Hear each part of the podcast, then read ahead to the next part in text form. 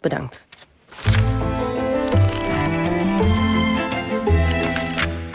Boeken met Wim Berkelaar. Ja, Wim, welkom. Goedemorgen, Laura. Uh, je hebt weer een stapel meegenomen. Zeker. Um, en um, we beginnen volgens mij met, als dat uh, ook wat jou betreft goed is... Oorlogen en Oceanen, een familiegeschiedenis. Ja, dat klopt helemaal. Ja, in dit boek, daar heb ik eigenlijk... Ik wist niet dat het kwam, maar toen, het, toen ik erop geattendeerd werd... heb ik er rijkhalsend naar uitgekeken. Wat is nou het geval? Deze man stamt uit een legendarische familie. Deze man? Deze man heet Erik Ader. Dat, dat is een diplomaat, die uh, zat in Libanon, Birma... Uh, vooral dus eerst, eerste jaren in het Midden-Oosten. Dat Midden-Oosten is voor hem een groot engagement. Hij is, hij is heel erg activistisch uh, momenteel. Daar schrijft natuurlijk een groot deel van het boek over. Um, over de Israëlische politiek, de bezetting van de Gaza en de Wester-Jordaan over. En gek genoeg komt hij daarbij weer dicht bij zijn vader. Zijn vader is een legendarische verzetsheld. Bastiaan Jan Ader, dat is een uh, dominee.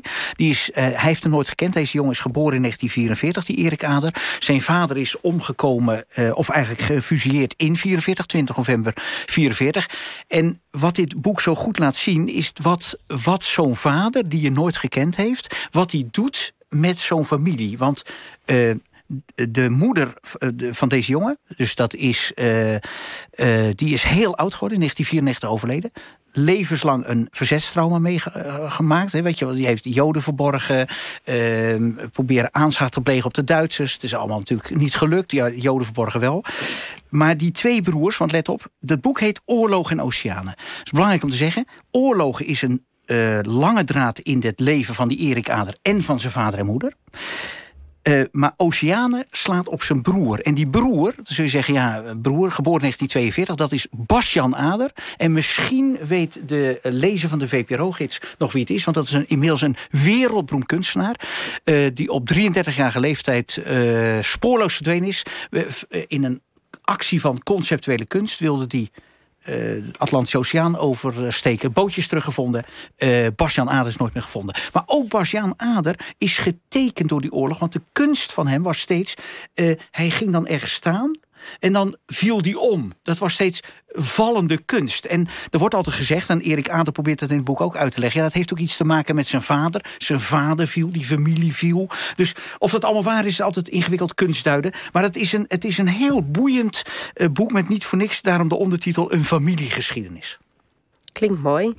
Uh, dan gaan we naar het volgende boek. Uh, Gezichten van Joods Verzet, van Jeroen Sprengers. Ja, Jeroen Spengers is de eindredacteur. Ik moet je zeggen, er is iets aparts aan het boek. Uh, maar ik wil het toch bespreken. Het boek is namelijk uitgegeven door de Nederlandse Kring voor Joodse Genealogie. Dat betekent, het is niet courant bij een grote uitgeverij uitgegeven. Uh, het ziet er ook wat gedrukt uit, maar ik wil het graag bespreken. En ik, ik begin uh, mee, jullie mee te nemen naar 1965.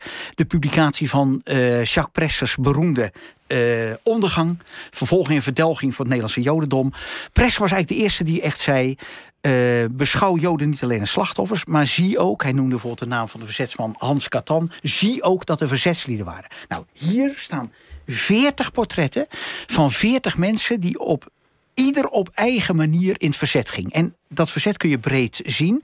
Uh, moet je voorstellen, de helft van deze mensen... die kwam uit Duitsland, waren Duitse Joden die vluchtten naar Nederland. Die wisten dus, toen ze eenmaal in Nederland waren... Hitler komt, dit kan gevaarlijk worden. En dat verzet gaat meerdere kanten op. Eén, wat zij als verzet zien, is bijvoorbeeld ook het kiezen voor de vrijtoot. Je hebt een familie Klingenstein. Dat zijn uh, vijf leden plus huishoudster. zelfmoord. Die pleegde zelfmoord. Ja. De vrijtoot. Die pleegde zelfmoord. Maar um, het indrukwekkendste verhaal, dat vind ik vader...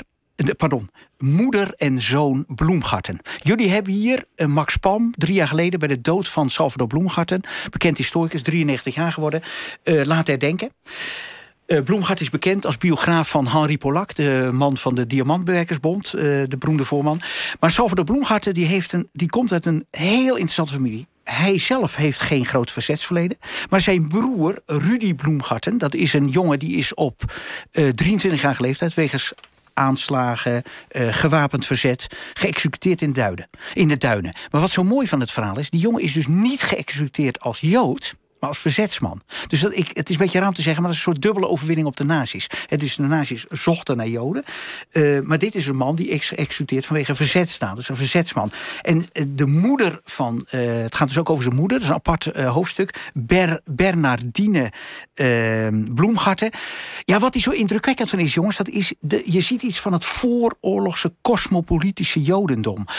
van mensen die cultureel geïnteresseerd waren, die allerlei Duitse Joden ook opnamen. Ehm, verschillende, moeder Bernardine had ook verschillende relaties. Ehm, is uiteindelijk opgepakt en vermoord. Maar het, het, die beelden, al die beelden van al die mensen... Ja, het, is, het brengt die oorlog weer zo nabij. Ik, ik zou iedereen willen aanraden het boek te lezen. Het ik zijn 40 portretten, losse portretten van... 40 losse portretten van 40 verzetslieden of familieleden. Goed. Wim, je volgende boek met de intrigerende titel... Bezeten land, geschreven door Monica Black. Ja, dat een, een bezeten land, uh, Jos, dat is een uh, boek met als ondertitel... Heksen, gebedsgenezers en de spoken van het verleden in naoorlogs Duitsland. Monica klinkt Black, wel lekker, toch? Dat klinkt heel interessant. En het is ook interessant, Laura, want uh, Monica Black is een Amerikaanse historica... die heeft heel uitgebreid onderzoek gedaan in Duitsland. En het centrale thema van het boek is heel interessant. Kijk, wij denken vaak over naoorlogse Bondsrepubliek... niet aan de DDR nu denk het, maar West-Duitsland... dan denken wij Oh ja, dat is het land van het Wirtschaftswunder. Uh, die mensen hebben razendsnel die economie op poten gezet. Is helemaal weer goed gekomen. Maar Monica Bleks laat zien, die zegt... ja, wacht even. Maar ondergronds was natuurlijk een veenbrand van mensen... die zich of schuldig voelden. Of nog half uh, of heel antisemiet waren. Dus dat, dat, je kunt niet eh, twaalf jaar uh, dictatuur... Uh, uit, uitlopend in gigantische massamoord en, en verwoesting... die kun je natuurlijk niet zomaar wegdenken. Dus de grote verdienst van dit boek is dat zij laat zien... dat er in naoorlogs Duitsland een enorme hang was naar nieuwe goeroes. Je weet, er was een goeroe tussen 1933 en 1945. Die noemen wij hier even op gemak salven met de initiale AH. Maar hier, een van de centrale figuren in dit boek... is Bruno Greuning. En Bruno Greuning is een uh, gewezen soldaat. Weermachtssoldaat, lid van de nazi-partij. Kleine vis, een hele kleine vis, maar met een enorme uitstraling. Dus die man had à Hitler. Diep blauwe ogen. Van die uh, leeuwenmanen in zijn hoofd. Een hele een aparte, een beetje kunstzinnige man. En die man die heeft, daar ging de roep over... die man kan uh, lammen en blinden genezen. Nou, moet je voorstellen, die komt bij een gezin. Uh, zou een jongen hebben genezen. Blijkt achteraf natuurlijk tijdelijk genezen. Want die, die jongen valt weer terug in zijn handicap. Er komen duizenden mensen, echt duizenden mensen... komen voor dat huis staan. Die willen allemaal genezen worden, die jongen. Dan, dan praten we dus vier jaar na de oorlog, 1949. Maar, praten we dan vooral over je zegt mensen hebben weer behoefte aan gurus, maar dan is dat ook echt aan gurus meer in de betekenis zoals we tegenwoordig het woord guru namelijk uh, duiden. Mensen die ons spiritueel lichamelijk verder helpen? Ik bedoel, zit het in die, in die softe, uh, esoterische kring? Nou, het zit voor een deel in het softe, maar zij, het zit voor een deel zeker in het softe, maar voor een deel analyseert zij het. Die mensen hebben een collectieve pijn. Dus die hebben, uh, zij, zij analyseert het is een collectieve pijn van Duitsers, waardoor die Duitsers een verlangen hebben naar deze softe. Vatbaar zijn voor. Ja, ja. Goed, we moeten naar het laatste boek, Wim, De Orde over de vrijmetselaars. Kun je de hele titel nog eventjes uh, lezen? Ja, de, dit boek is geschreven door een Engels historicus, John Dickey. Uh, de orde uh, hoe de vrijmetselaars bouwden aan de moderne wereld. Dit is ook het boek van de maand, geloof ik. Dit is zeker het boek van de maand. Hoe moeten we daar weer eens aankomen, Laura, als je dat wilt? Nou, je kan ons bericht op Facebook liken... of je kunt ook een mailtje sturen naar ovt.vpro.nl... om kans te maken op het boek. Want waarom moeten mensen dit boek lezen? Nou, twee dingen. Het is, uh, zoals Engelse historici kunnen schrijven... het is verschrikkelijk goed geschreven. En het is ook een onderwerp waar wij allemaal iets van weten... namelijk de vrijmetselarij, maar eigenlijk heel weinig. Kijk, die vrijmetselarij die hebben zelf een aantal historici... bij wijze spreken in dienst. Die schrijven daar heel nobel en geweldig over. Maar het andere deel van de wereld denkt natuurlijk... ja, die vrijmetselaars, dat zijn allemaal schooiers. Het is uh, geheimdoenerij. Uh, het, zijn, het voldoet, laten we zeggen, aan het idee van complotdenkers. Maar dit is een hele rijke, genuanceerde geschiedenis... die ook nog uh, langs allerlei personen is geschreven. Dus niet heel abstract, maar langs allerlei mensen die vrijmetselaar waren. En jongens, laten we niet vergeten, vrijmetselaars. Wat waren daar veel? Goethe, uh, Churchill. Bij ons wordt gezegd... Bij ons wordt gezegd Willem Drees. Wat er nu gebeurt is dat Wim's telefoon afgaat. Die gooit hij heel snel in de hoek. Ga door, Wim. Uh, uh, er wordt bij ons gezegd Willem Drees. Uh, Conan Doyle, de man van, Sherlock, van Sherlock Holmes. Al die mensen waren vrijmetselaar. En wat hij laat zien in het boek is twee dingen. Die vrijmetselarij, dat is ehm, eigenlijk een zoeken uh, naar kameraderie. Dat is een zoeken naar rituelen van mannen. Want Laura, één ding, het is natuurlijk... en hij uh, voorspelt ook daarom de ondergang van de vrijmetselarij. Het is uiteindelijk een exclusief mannenbolwerk. Dat hou je niet vol. Ja, je hebt tegenwoordig ook vrouwelijke bijorden. Ja, die, heel mondjesmaat. dat komt er wel bij. Maar het, het, uh, het grote punt is... het is eigenlijk een heel ideële beweging. Maar die, die beweging wordt steeds, uh, laten we zeggen... Uh, gekenmerkt door geheimzinnigheid. En die geheimzinnigheid, daar zegt hij dat is alleen maar façade. Daar zit niks achter. Je hoeft niks achter die geheimzinnigheid te zoeken.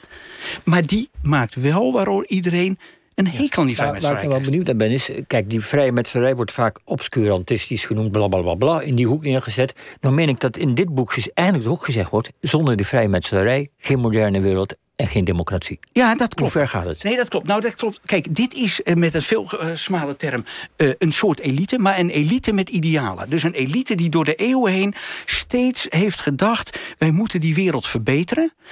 Alleen, let op, ze hebben natuurlijk een concurrent. En die concurrent, een van de, de grote concurrent van de vrijmetselaars... is die, dat, andere, dat andere geheimzinnige genootschap, namelijk de Rooms-Katholieke Kerk. Die katholieke kerk, wat ook een mannenbolwerk is... wat ze natuurlijk aan alle kanten bestrijdt. En daardoor zitten ze in het verdomhoekje. Maar het is in wezen ideële beweging. En, uh, en, als zodanig beschrijftheid. En ja, ik zelf, eh, ik, moet, ik ben er zeer door verrijkt. En ik kan het elke lezer aanraden. Zoals je het hebt gelezen, wil je erbij? Ja, nou, zeggen, dat is een groot aangemeld. ja, dat kan niet zomaar, hè? Goed, ja, moet je Wim... gevraagd worden, is dat zo? Ja, je moet zeker van. Je kan niet zomaar zeggen, ik kom er zelf even bij. Nee. nee. Goed, Wim Berkelaar, hartelijk dank. Dit was uh, het eerste uur van OVT. Straks na het nieuws een aflevering uit de podcast De Zwijg... over censuur en zelfcensuur. De column van Micha Wertheim en de revival van stripheld Kapitein Rob. Uit het Parool, die na 75 jaar weer een nieuw leven krijgt. Tot zo na het nieuws van 11 uur.